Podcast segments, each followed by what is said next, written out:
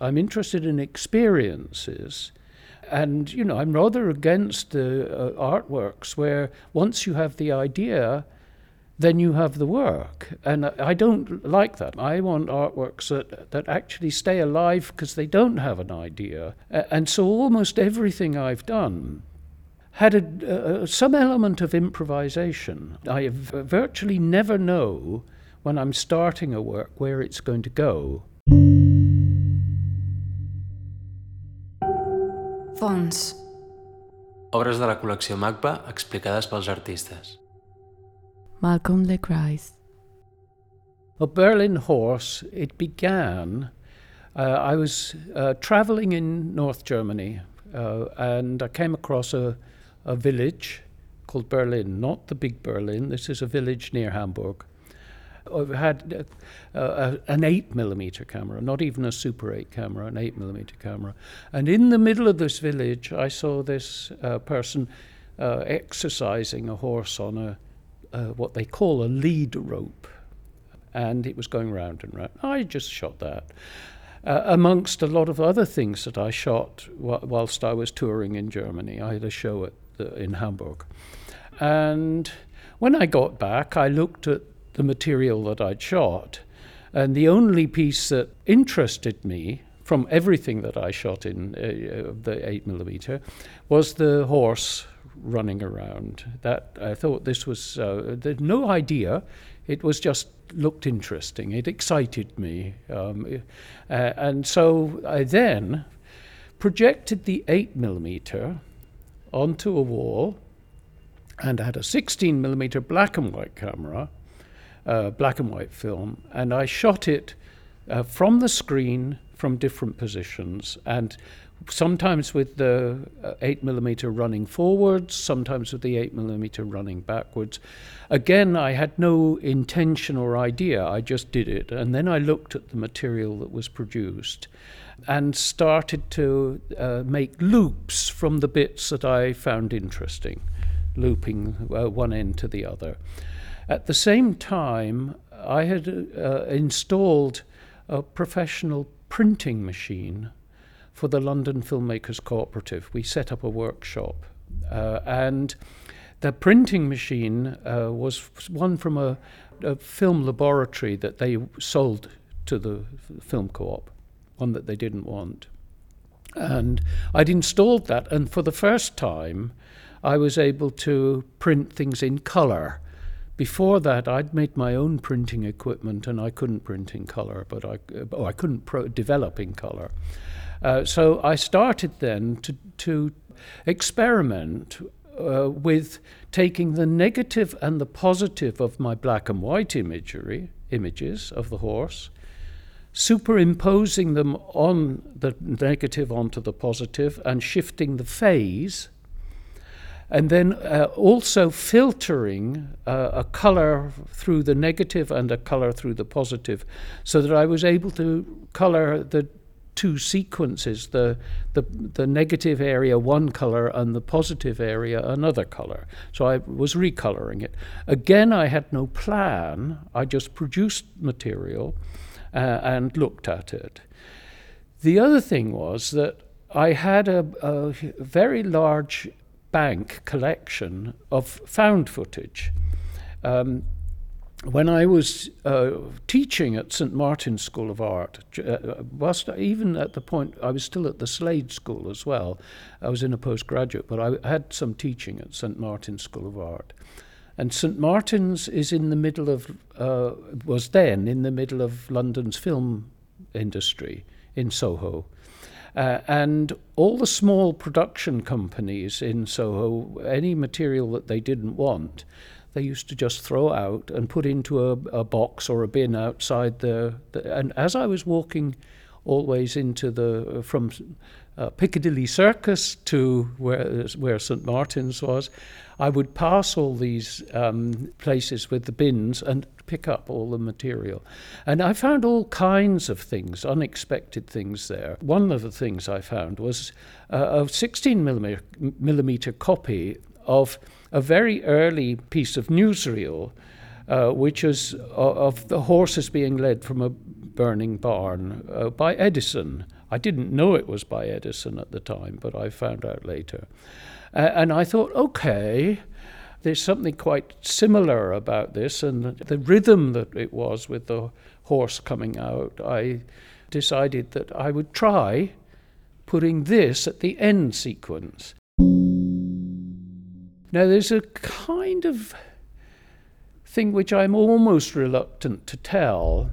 When I uh, shot Berlin Horse in this village, I was being taken around uh, by a person who was also a very young filmmaker uh, who recently uh, married. I later discovered that he and his wife uh, had cashed in all of his mother's pension and bought a farm barn to start a commune. And his mother was still alive. And the tragedy was that the barn burnt down and he had no insurance. Now, this happened after I'd made Berlin Horse, so there was no kind of real connection except this sort of slightly thing, which of course I reject. It's, it's nonsense, but the idea that somehow the burning barn at the end of this was a kind of prophetic thing. If it was, I don't know how it came about, and I really don't believe it. So I almost never tell the story because it's, you know, I don't believe it. Then I put it all together, and I always projected it uh, as double projection uh, with the, the color screen one, which goes from black and white to color uh, on one screen, and a black and white print of the whole thing on the other screen. Uh, MACBA doesn't have the double projection version. Um, uh, that but double projection version is now available on a digital Blu-ray or digital file. Um, okay, so uh, the the next part of what what happened was that I had some other work that I was making at the same time, uh, a film called Reign of the Vampire, which I was also working with loop film, progressively changing loop film. But I also did a sound experiment with that, where I recorded into one tape recorder, ran the, the tape from that recorder to another tape recorder to play back, and I fed the playback into the first tape recorder with a mixer and some new sound. So it's a gradually developing loop. What you what I've just recorded comes back in as a sort of later echo and then gradually uh, reduces and something else takes over. And I showed that uh, at a exhibition in London called System Art at the Whitechapel Gallery. And in the audience uh, was uh, Brian Eno. And, and Brian Eno was then, they were just forming Roxy Music. Uh, I didn't really know him very well, although I had been to uh, one of the rehearsals that they had, Roxy Music, but they weren't well known. And after the, I'd projected uh, Reign of the Vampire, he came and said, I'm working with some very similar ideas with sound in looping work. And uh, so he said, Do you want a soundtrack for any film? So I had already made Berlin Horse with a kind of crackly, like a fire soundtrack, but I wasn't very happy with it. So I said, Yes, I'd really like a, a soundtrack for Berlin Horse. And he sent me a reel to reel tape, a quarter inch tape, with two ver- works on it and the instructions of how to do it. They're both stereo. And he, uh, said, choose uh, which one you like. And so I chose one. And I, I put that soundtrack uh, onto Berlin Horse. And that's how it's been ever since. Yes, I mean, I've been frequently classed into the structuralist uh, movement.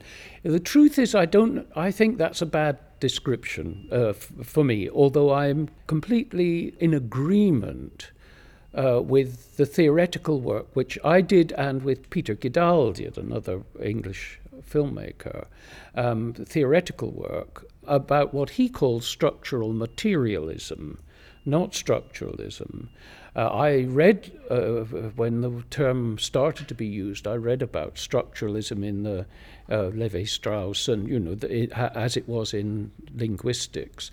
Uh, and I couldn't see any real connection between that and what people were calling structuralist. My interpretation or my involvement with what people call structuralism was much more to do uh, with the material aspect of the film process. That's the material things like the celluloid, or actually acetate, uh, the way in which the uh, image became comes th- through photochemistry onto the uh, film strip, um, but then particularly um, the condition of the projector, the projector light, and the attempt to reverse and I wrote about this in an essay I published called Real Time Space. I wanted to reverse the normal condition of cinema, of commercial cinema, cinema history, where the illusion is primary, and you go through the screen to um, a, a, represented space and time. It's a represented time. Narrative is a represented time. Um, and I wanted to reverse this uh, so that in the com- normal cinema, the film is, is uh, scripted and shot. And then when it's shot, it's edited, and then when it's edited, it's it's put into a cinema. It's projected onto a screen and becomes uh, a kind of dream for the audience.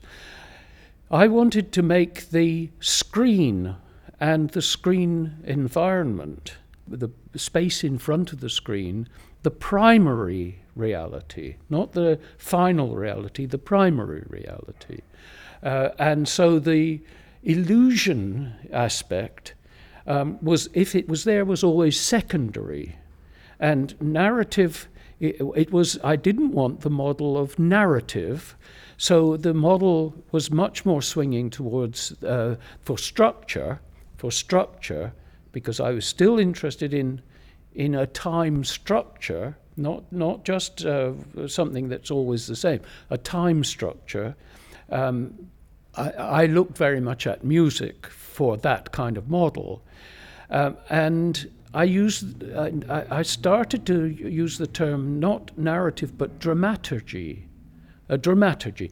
I discovered that all of my films, even though I was beginning always from the material, all of the films, in fact, had some kind of development from the beginning to the end. There was, there was always a, a development structure which was, in a sense, dramatic. Um, and, uh, you know, even uh, there was uh, a degree of suspense you know something that's where the audience are always thinking okay what's going to come next uh, and you know how does what comes next relate to what i've seen so but it was self in a way, it was self, within the f- film self referring, but it was always something where there was a development and a dramaturgy.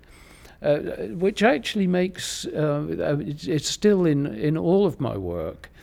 Uh, there are one or two things which I've done as continuous uh, installations, loop installations. There's not not so many that, but there are almost none that don't have a development. So I'm still very connected to that. And my concept of, of structure is if there's a, a structure for the work, it, the main reference is musical structure, if it's there, um, or something that represents uh, within the work the way it's produced. Right? It's not a documentation of the way it's produced, but it's something that uh, uh, that makes the way in which a work is produced part of the problematics of the, of the work. We talked about idea. I just did an exhibition in London, and the title of it was No Idea, uh, because I'm not so interested in ideas. Uh, I don't begin from an idea. There are a few exceptions, uh, you know, where I've woken up in the night and thought, oh, I'd like to do that. Uh, but in the main, the, the works develop out of out of the practice. I now I shoot things. In the beginning, I did a lot of found footage, but now I do shoot things. I always have a camera with me. Um, I also now even have a 3D camera with me. And I shoot things, but I don't know what I'm going to do with it. And uh, the other thing I learned is that I see something uh, that I want to shoot, and when I look at it on the screen, it can be really dull and not interesting. And I, some things which I just shoot and hadn't thought too much about, I look at it on the screen and it has a kind of magic. You know, it's it, it makes me think. Oh, I'm that. I don't understand that. That's that's. There's something there that I call it latent. There's something in there that's latent. It's it's when I see it, uh, the image itself uh, continues to bring uh, experiences for me, and the experiences keep developing even after. And even, uh, you know, looking at some of my earlier works, like Little Dog for Roger and Berlin Horse, um, each time I see it, even to 30, 40 years later, there's still something in the image that is making me think, ah, you know, there's, there's more to explore there. I could, you know, I could find out more from this, and, and it's still uh, making me think about things which I hadn't thought about when I made it. So I'm interested in that in that process, which is not driven by script and idea. It's it's driven by what we call practice. Um, you know, it's a fancy word for the fact that you do things and you look at it and you think, oh, shall I do this? It gives a lot of room for intuition and psychological response. So I still, when I'm working on something, I have a psychological response. I even have made digital works where I've actually written a program for selecting and editing uh, material that I've shot. Well, uh, and I've let it let it work, and I get the results out of it. And if I don't like them, I change them right? If, so it's not, I'm not interested in that mechanical, mechanistic process. There's still for me always, it's very important, this room for uh, looking at something and reviewing it and improvising around it, developing it. I've also made a lot of works where I've used sequences which I've reworked. The worst person to asked to be critical of their work as the artists themselves, right? Because um, they only see it through their own filter, right? So I only see it through my own filter. I think that the expanded cinema, right from very, very early on, uh, I did work for uh, two and three or more screens. And one of the things which was in my mind, and now uh, you know I, I, think is right, is that I wanted.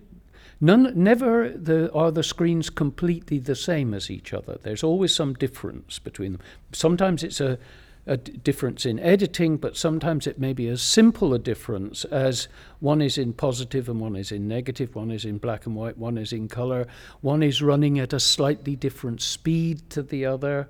Um, and then after Manet, I had four cameras with four people uh, in the film at the picnic. It's after Manet's Déjeuner sur l'herbe. Um, there were four cameras, and they were recording from four four different positions, and they gradually moved around. And so the when it's screened, you're making comparison always between one screen and another. So you build up the sense of what uh, of what is happening, and you build up even the, the psychological understanding of, of the meaning from this continuous comparison. But the comparison means that the spectator has to be making choices. Right? In normal cinema, the choices are made for the spectator. Everything is done to make sure that the spectator sees and thinks about the thing which the, uh, which the film wants them to look at you know, film industry wants them to look at. I never wanted that. I wanted the, the spectator to, to be in real time constructing what they see. And the spatial thing, uh, the, uh, the presentness, is only part of uh, that. It's all, that's in some respects that's a symbolic thing that The, the spectator is there in the presence and saying, you know, this is a present experience, it's for you, you must construct it. Of course, they can only construct it out of the things which have, psychologically I've put in. But as far as possible, um, I think that the multi projection, including with Berlin Horse when it's screened as a double projection, uh, is about the spectator. Um, we used to say having work to do, but I don't like that idea. It's not doing work, it's making choices continuously about what it is I look at, what I think about, how do I relate the, the one image to it or one sequence to another, how do I build up the meaning, and how do I review the meaning as the work goes on. And for me, that's a kind of parallel to how we live in our life. And that's another reason I'm not happy with narrative. Narrative makes it all far too simple for me. Uh, my life experience isn't like that. We don't come to those uh, secure uh, conclusions. Um, we, you know, we're always having to reassess things, and and and even to the point, if I did that, what would have happened? And and you're constantly doing this. And my experience isn't a narrative experience. I can tell stories, but I don't, uh, you know, I never believe a story. Uh, I've had some funny experiences in my life where I've been encountering something with a, a person and uh, have had very good conversation and a good relationship with them. And uh, the, three weeks later, they've committed suicide, right? And you have no kind of awareness of that. And then wh- wh- where does and you? This is how my how one's life is your life is uh, constantly uncertain, um, and understanding what what's uh, going on around you physically uh, and psychologically, you constantly have to reassess. I mean, a lot of the uh, people like Kandinsky uh, were looking for that, what they called the synesthesia. I don't have a synesthesia, but it, there's an element of linking the way in which the uh, color shifts take place and the way in which so it's an orchestration of color. Even if you're dealing with live material live action material. Uh, so the, uh, the you've got the live presence that it's happening now presence and experience is happening now like in music if you're sitting in a rock concert there's no question it's happening now. It's not happening at some other point, it's, it's happening now. Uh, you've got that awareness of presence, and then it's then you've got the thing of the way that the mind is comparing the present to the past and predicting the future. Not in any long term sense, but you know, what's we're walking along the street, uh, who's coming around the corner? It's you're constantly your perception is not uh, for a moment, it's in a kind of comparison between uh, the recent past, the present, and the probable future. Uh, that is also another factor in. Uh, I'd said I, I'm interested in a way, I think, in suspense. And that happens in, in Hollywood films, that condition of suspense. You know, what is going to happen next? Uh, how would Hitchcock have managed without suspense? But I think actually something of that uh, thing of, of suspense is intrinsic to the condition of cinema. So I probably parallel that and like it.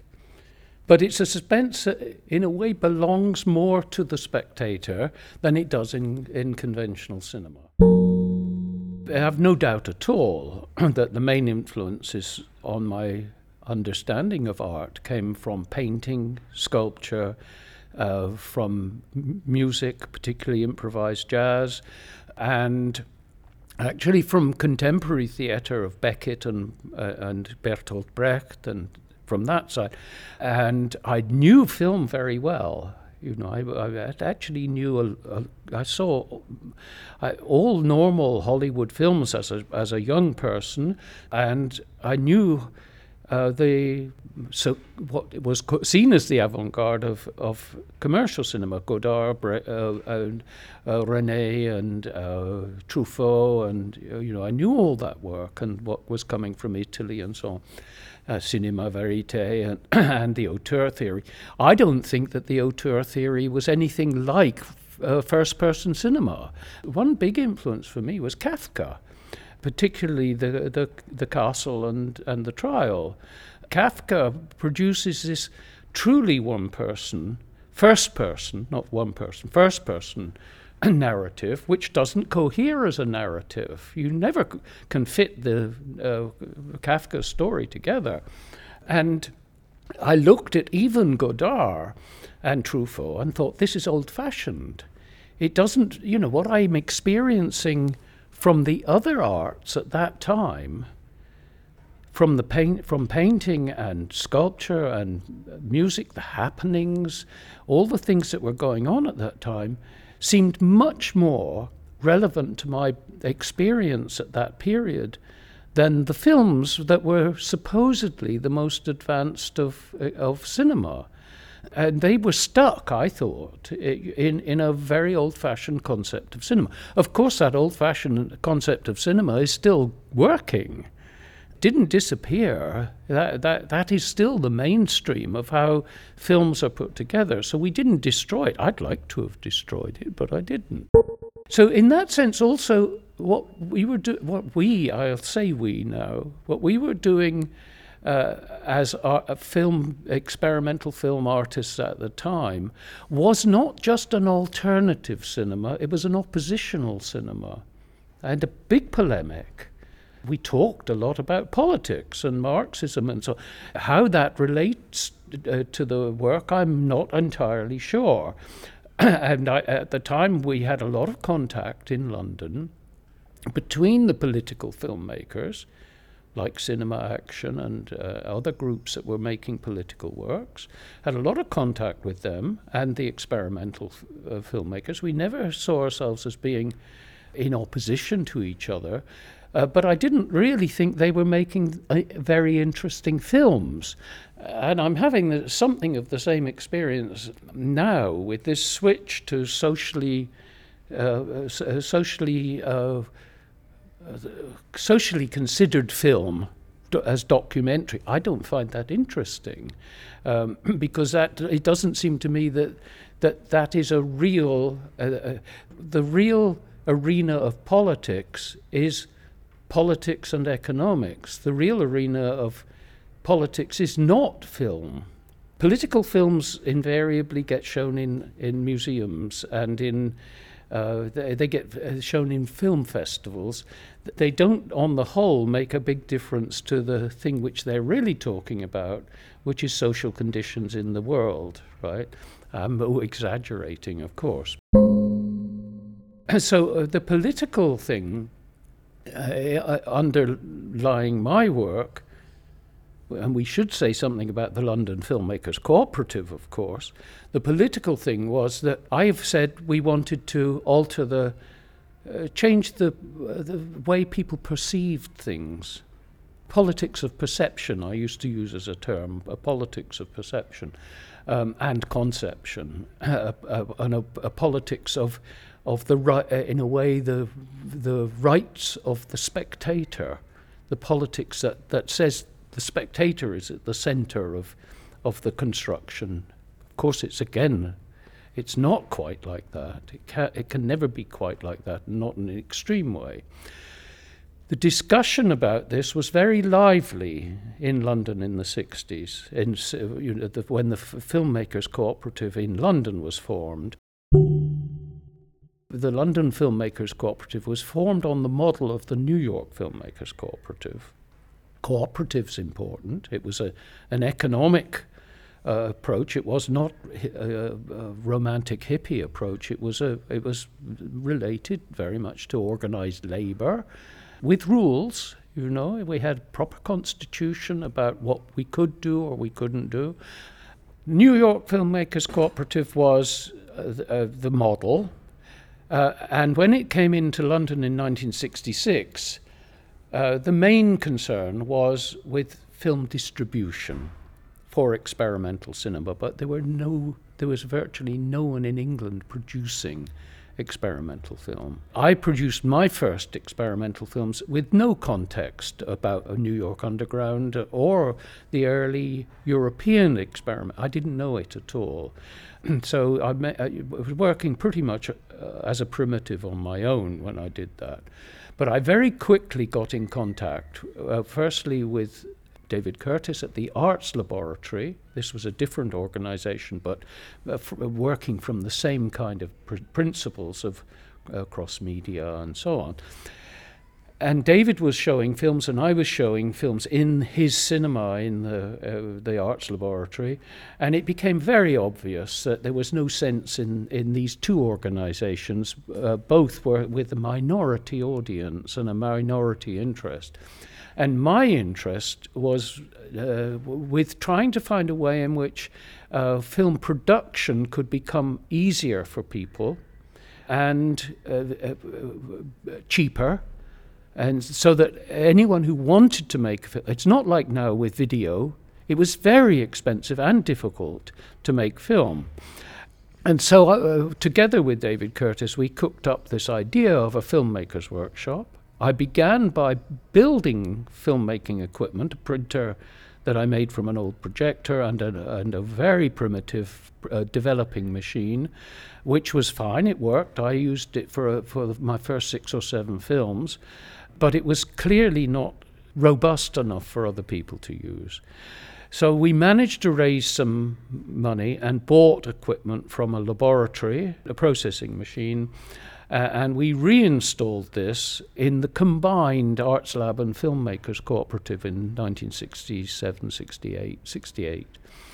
That and the cinema that David Curtis was running in the then Arts Lab stroke film co-op became the core of a real debate about what experimental cinema was and it stimulated loads of people to start making films. So by 1972, there was quite a scene.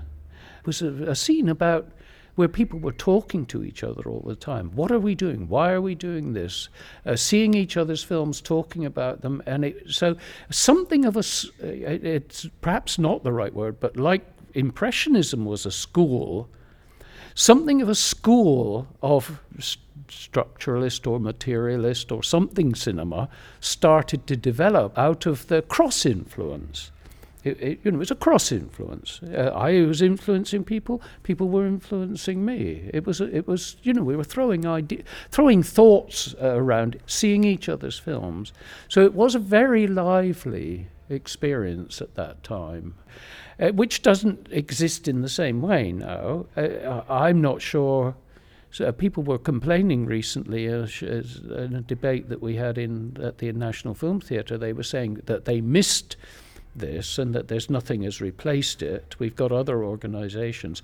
Part of the problem was that at a certain point, with the new technologies, digital video and uh, good quality video equipment, very uh, relatively very cheap computers and, and extremely cheap camera equipment. I mean, mobile phone type camera equipment. With with that, the, the need for uh, cheap production uh, disappeared. We don't need it anymore, and so the, the, something of that as a as a magnet or focus for people getting together and talking disappeared. But also, so many people making work now. I mean, it, it's just. Uh, there was a time up, up to 1972 or 3 I knew every experimental filmmaker in England and in in America and in Germany I knew all of them I, I personally and had meeting had met with them and showed work with them and so on uh, by 1975 1980 there were so many, I, you know, it'd be impossible to know them all. Well, maybe that was a good thing. Now you've got the YouTube.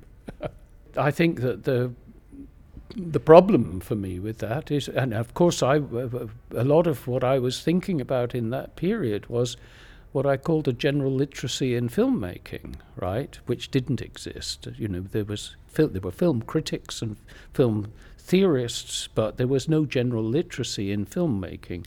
That obviously has now happened. There is a general literacy in uh, certainly in terms of the equipment available for it, and there's a lot that's interesting about the the, the kind of instant relationship that there is between making and viewing through things like YouTube, uh, and certainly all the young people that I know, my grandson and my granddaughter, and but all the young people I know spend a lot of time watching stuff on YouTube and making things for YouTube. So that that thing of, of rapid communication.